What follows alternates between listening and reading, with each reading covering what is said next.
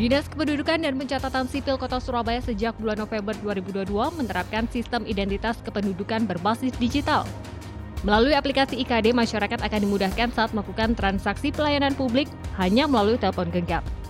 Misalnya dalam hal mengurus perizinan ataupun sekedar menunjukkan data KTP tanpa perlu mengeluarkan bukti fisik identitas.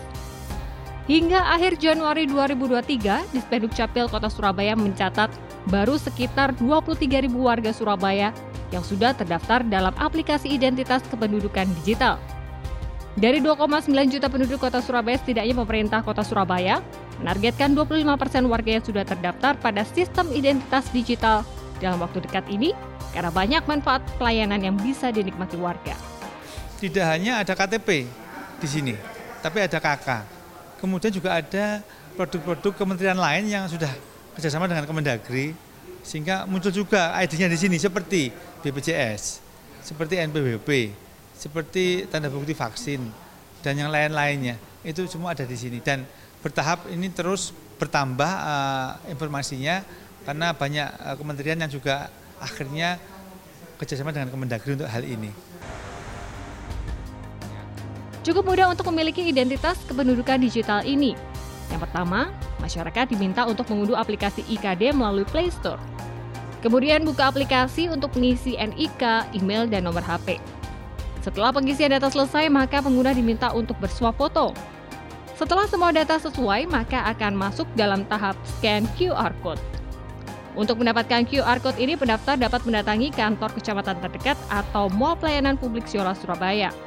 Nantinya petugas akan melakukan aktivasi akun dan identitas kependudukan digital pun bisa dimanfaatkan. Bagi warga Surabaya, adanya sistem digital pada identitas kependudukan ini dinilai memudahkan. Apalagi di dalamnya tidak hanya memuat data KTP saja sebenarnya saya agak ragu-ragu. Tapi ternyata ketika disampaikan apa namanya kita harus apa namanya kita harus download dulu aplikasinya. Saya pikir saya pikir agak agak ribet tetapi ternyata setelah saya coba itu gampang sekali. Dan yang terpenting adalah di dalam di dalam apa namanya di dalam aplikasi ini semua data saya dan keluarga saya itu ada semua dan lengkap. Begitu. Dan selain dan selain itu juga ini kayak sangat membantu sekali kalau umpamanya kita kita apa namanya lupa bawa KTP atau saat ini aplikasi IKD baru bisa di-download bagi pengguna Android saja. Sementara untuk sistem operasi pada iOS masih dalam tahap pengembangan.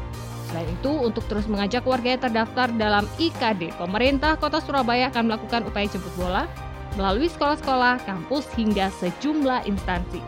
Dia Clarissa, Heru Sudarmanto, Surabaya, Jawa Timur.